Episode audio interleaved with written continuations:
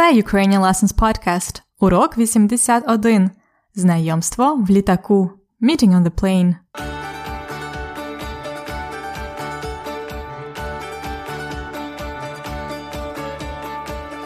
Привіт-привіт! Це Анна, ваша вчителька української. І ви слухаєте подкаст Ukrainian Lessons Уроки української. Третій сезон. Нарешті ми повернулися. Ми добре відпочили влітку і готові до нового сезону. А ви готові до нового сезону? Цей сезон буде особливий. Чому? Тому що наступні 40 епізодів подкасту, весь третій сезон це буде одна історія. Але не історія України. Історія України була в епізодах 71-80. Це буде простіша історія. Історія про одну молоду дівчину, американку. Не буду вам розповідати все відразу. Ви почуєте першу частину історії через три хвилинки. Також в цьому сезоні будуть нові рубрики Дієслово дня та фразеологізм дня. Вони будуть вже сьогодні. Як завжди, ми робимо для вас конспекти уроків і картки Анкі. Конспект цього уроку ви можете завантажити безкоштовно на ukrainianlessons.com риска епізод 81. І як і раніше, мій короткий вступ я повторюю англійською. A short introduction in English now. I am very happy to be back with третій сезон, the third season. As I mentioned before, it's going to be особливий, special. All the 40 episodes of the season will be connected with one story a story about an American girl in Ukraine. Also, we have new chapters on the podcast. Нові рубрики. Дієслово дня, a verb of the day і фразеологізм дня, an idiom of the day. As always, we provide lesson notes and flashcards to make you learn more Ukrainian. So, let's start. Почнімо. Ми починаємо з першої історії про дівчину-американку. Сьогодні ви почуєте її розмову в літаку. Літак це плейн. Літак. Дівчина летить з Америки в Україну і знайомиться в літаку з хлопцем. Хто цей хлопець? Ким він працює? Who is the man the girl meets on the plane? What is his job? Слухайте діалог перший раз. Готові? Ви летите додому? Не зовсім. Я народилась в Америці, але мої батьки українці. Мені завжди було дуже цікаво, яке життя в Україні. Тому я вирішила переїхати на один рік в Київ. Я буду викладати англійську мову в школі. Ого, як цікаво. Як вас звати? Мирослав. Я Крістін. Це в Америці ви Крістін, а в Україні будете Христина. Христина? Мені подобається. Ви з Києва, Мирославе? Так. Я живу в Києві, але родом з Івано-Франківщини. Ким ви працюєте? Я працюю редактором, але також я письменник. Ого! А як ви, Христино, так добре вивчили українську мову? Мама зі мною говорила з маличку, а я вивчала українську мову в суботній школі, переписувалась з родичами з України, читала українські книжки, але я не думаю, що читала ваші книги. Ну нічого. Якщо хочете, можу дати почитати вам свою збірку віршів. Ось. У, дуже дякую. Обов'язково почитаю і дуже рада познайомитись. Взаємно. О, несуть якісь смаколики. Будемо пити чай? Звичайно, тільки я, мабуть, буду каву. Я не виспалась. Вибачте, можна дві кави? Ну, ось ви і познайомились з Христиною. Христина або Крістін це американка. Вона летить в Україну. Вона буде жити в Києві один рік. Вона буде викладати англійську мову в школі. Христина це головна героїня третього сезону подкасту. А як щодо хлопця? Його звати Мирослав. Хто він? Ким він працює? Скажіть. Ким він працює? Він працює редактором. Редактор an editor. Редактор. Редактор редагує тексти. Добре? Але також він письменник. Письменник пише книги. Письменник. A writer. Мирослав працює редактором, але також він письменник. Мирослав навіть дав почитати Христині свою збірку поезій. Збірка поезій a poetry book. We call a book книга або книжка, but if it's about поезія, poetry, it's збірка або збірка поезій. Збірка. Ось таке цікаве знайомство. А зараз послухайте, будь ласка, деякі частинки цього діалогу. Я хочу вам більше розповісти про деякі цікаві слова. Слухайте. Ви летите додому? Не зовсім. Я народилась в Америці, але мої батьки українці. Мені завжди було дуже цікаво, яке життя в Україні. Тому я вирішила переїхати на один рік в Київ. Отже, Христина вирішила переїхати на один рік в Київ. Христина decided to move to Kyiv for one year. Переїхати to move. Let's have a closer look at this verb. Переїхати. It consists of uh, the main part, the root, їхати, and пере, which in Ukrainian, like in English, is called prefix. Пере. In the today's episode and the following ones, I would like to introduce to you the world of Ukrainian prefixes. I believe this will make it easier for you to understand uh, Ukrainian verbs, as one prefix usually has a meaning itself, and it attaches this meaning to the verb. For example, пере in переїхати means to move from one place to another. So this part Пере would uh, often mean to move from one place to another. For example, пересісти means to change your seat. Сісти is to sit down. Пересісти to change your seat. So to move from one seat to another. Переказати гроші. Переказати means to transfer, to put the money from one place to another, to transfer money. Переказати гроші. Another meaning of пере is to move across something. For example, перейти дорогу. Перейти дорогу to cross the road. Переїхати через поле, or переїхати поле means to move, uh, to cross the field by transportation, because it's їхати. Переїхати поле. You might have noticed that uh, the verb переїхати can mean uh, two things. Either to move from one place to another, переїхати в Київ, переїхати з Канади в Україну, or to move across, to cross something, переїхати поле. Добре. In fact, uh, pere has many different meanings. Uh, there is a bunch of them, actually. Let's at least have a look at them. Another meaning is repeated action. Перечитати роман. Перечитати роман is to read something again.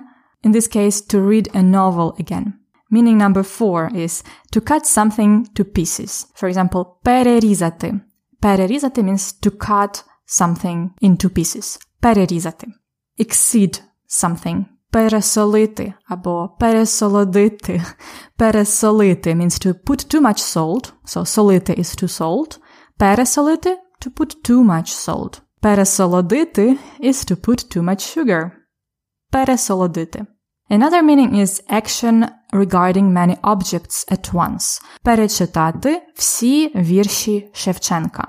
So, читати вірші Шевченка is to read poems of Shevchenko, but перечитати всі вірші Шевченка means you have read many, many of them. So, перечитати is to mean to read many things in this case. Another meaning, the last one, is interaction. Interaction always has uh, the ending ся also. So, for example, переписуватися or переписуватись. Писати is to write. Переписуватись is to exchange letters, to correspond. Переписуватись. Um, in our days, it's uh, usually about texting. Переписуватись в месенджері. Так. Let's listen to the example of the last meaning in the dialogue. А як ви, Христино, так добре вивчили українську мову? Мама зі мною говорила з маличку, а я вивчала українську мову в суботній школі, переписувалась з родичами з України, читала українські книжки. Отже, Христина переписувалась з родичами. Переписувалась з родичами. She ex- was exchanging messages or letters with her relatives. Okay, that was pere. Now let's have a look at another prefix, ви. It's easier. You have heard it in the question before. А як ви, Христино, так добре вивчили українську мову? How have you, Христина, learned Ukrainian so well? Вивчили. You know the verb вчити is to learn something and be in the process of learning. Вивчити is to learn with a result. Христина has fully learned Ukrainian. She's fluent now, you have heard. So, вона вивчила українську мову. Вона вчила, вчила, вчила і вивчила. She has learned it fully. Prefix uh, ви often means an action with a result, like uh, вивчити правило, to learn the rule and to learn it fully. Випрати одяг. Прати is to wash, to do laundry. Випрати is to finish doing that. So your clothes are all clean. Випрати одяг. Another meaning of ви is uh, moving outwards, out. For example, Христина вилетіла з Нью-Йорка. She flew from New York. So she started, started flying from New York. She took a plane from New York. Вона вилетіла з Нью-Йорка. Or you could just say, я вийшла з квартири. I have gone out from the apartment. So to do something out, to move out. And at last, to listen to another example of ви in the dialogue. О, несуть якісь смаколики. Будемо пити чай? Звичайно, тільки я, мабуть, буду каву. Я не виспалась. Христина каже: Я не виспалась. Виспалась. It's from the verb спати. Спати to sleep. Виспатись is to get enough sleep. To sleep until you don't want to sleep anymore and you're feeling good. it's a, quite a big meaning for just one word. Виспатись. In this case, ви means a full action. Виспатись is to not to want to sleep anymore. Another example is вилікуватись is to treat treat a disease, but to treat it fully until you don't have that disease anymore. Вилікуватись. I hope all this information is useful for you. By the way, you can find the charts of all the meanings of those two prefixes with more examples and exercise to practice in the lesson notes of this episode, which, by the way, is free today. А я хочу закінчити аналіз цього діалогу одним дуже гарним словом – смаколики. Несуть якісь смаколики. Remember смачний, tasty. Remember also смакота, yummy, смакота. Смаколики означає щось дуже смачне, дуже смачна їжа, часто маленька їжа, як фрукти, цукерки, шоколадки. Some goodies, but about food only. О, несуть якісь смаколики. Oh, they are bringing some goodies. Смаколики. А зараз запрошую вас послухати діалог ще раз, повністю. Ви летите додому? Не зовсім. Я народилась в Америці, але мої батьки українці. Мені завжди було дуже цікаво, яке життя в Україні. Тому я вирішила переїхати на один рік в Київ. Я буду викладати англійську мову в школі. Ого, як цікаво. Як вас звати? Мирослав. Я Крістін. Це в Америці ви Крістін, а в Україні будете Христина. Христина? Мені подобається. Ви з Києва, Мирославе? Так. Я живу в Києві, але родом з Івано-Франківщини. Ким ви працюєте? Я працюю редактором, але також я письменник. Ого! А як ви, Христино, так добре вивчили українську мову? Мама зі мною говорила з маличку, а я вивчала українську мову в суботній школі, переписувалась з родичами з України, читала українські книжки, але я не думаю, що читала ваші книги. Ну нічого. Якщо хочете, можу дати почитати вам свою збірку віршів. Ось. У, дуже дякую. Обов'язково почитаю і дуже рада познайомитись. Взаємно. О, несуть якісь смаколики. Будемо пити чай? Звичайно, тільки я, мабуть, буду каву. Я не виспалась. Вибачте, можна дві кави?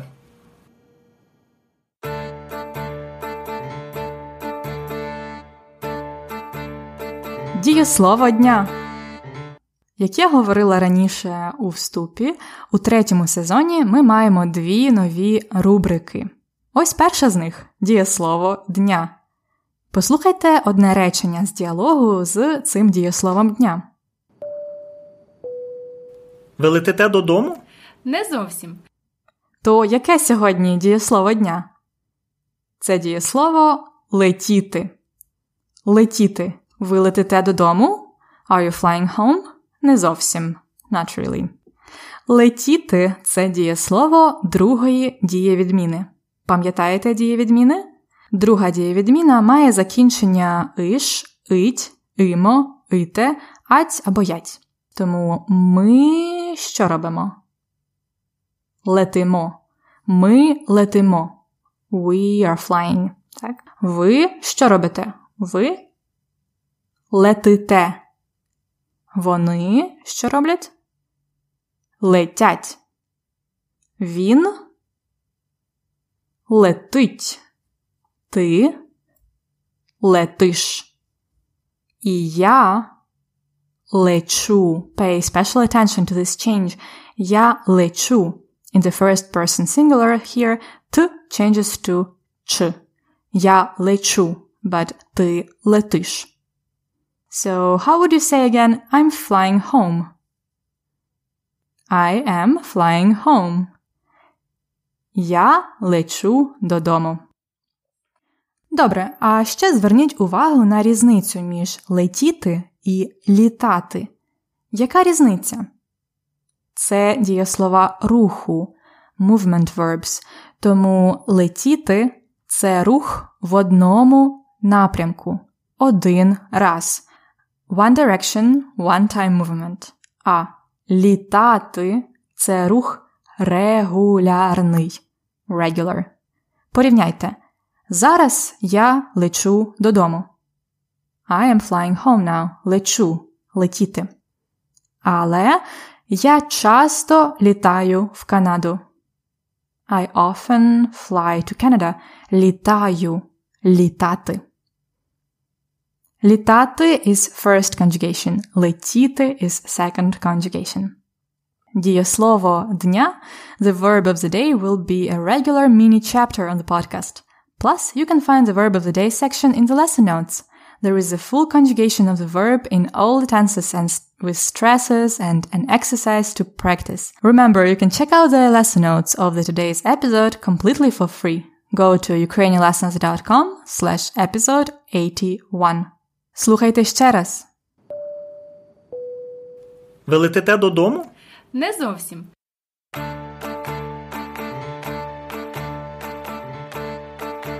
Фразеологізм дня.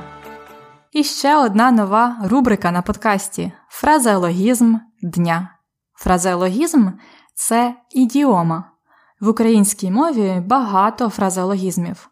Сьогодні ми поговоримо про фразеологізм, який має дієслово з префіксом пере. Переступити через поріг. Або переступити поріг. Переступити comes from ступити. Ступити або ступати означає to step. To step. Переступити, as you might guess now, means to step over something. Переступити. Переступити поріг або переступити через поріг literally means to step over a threshold. So it's basically when you come to someone's place, you переступаєте поріг.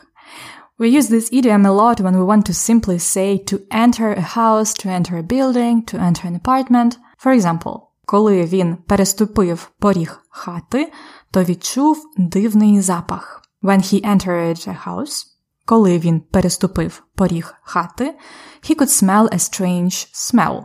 То відчув дивний запах. Another meaning of this idiom could be to get somewhere, to become a part of something new in a new place.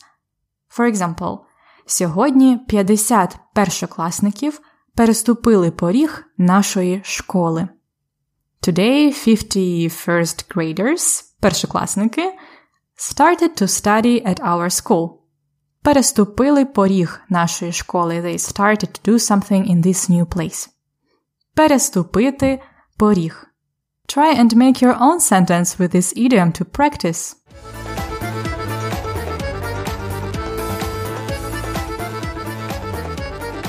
Культурний факт на подкасті. According to your feedback, this has been one of the favorite chapters of the Ukrainian Lessons podcast. So we keep it in the third season. Культурний факт today is about the new music on the podcast. Вам подобається ця музика? The new tune you have heard is a variation on the traditional Ukrainian songs from Karpaty, Carpathians. The general name of this type of songs is Kolomyka. Does the name sound familiar to you? Kolomyka? It comes from a town in Ivano-Frankivska Oblast, Kolomyya. Kolomykas are widely used for tansi, dances, in the Carpathian Ukraine, as a tradition on some holidays, during festivities, and especially weddings. As far as I know, kolomyki are also popular in Canada and the United States among Ukrainian diaspora, as many of them emigrated from those Carpathian regions of Ukraine. Kolomyki are short and easy. They always have the same rhythm and similar melody. That's why you can put basically any words on that rhythm to create kolomyka. That's why, to practice your Ukrainian, you should try and create one. I know there are some great musicians among you, the listeners of the podcast. I challenge you to create one of your own.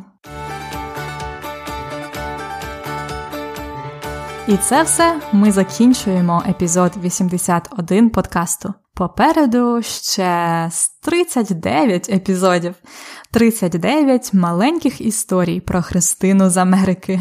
As always, we prepare conspect уроку, the lesson notes. They include the transcription of my introduction and the main dialogue, grammar charts and verb of the day conjugations, more information on the idiom of the day, and a word list.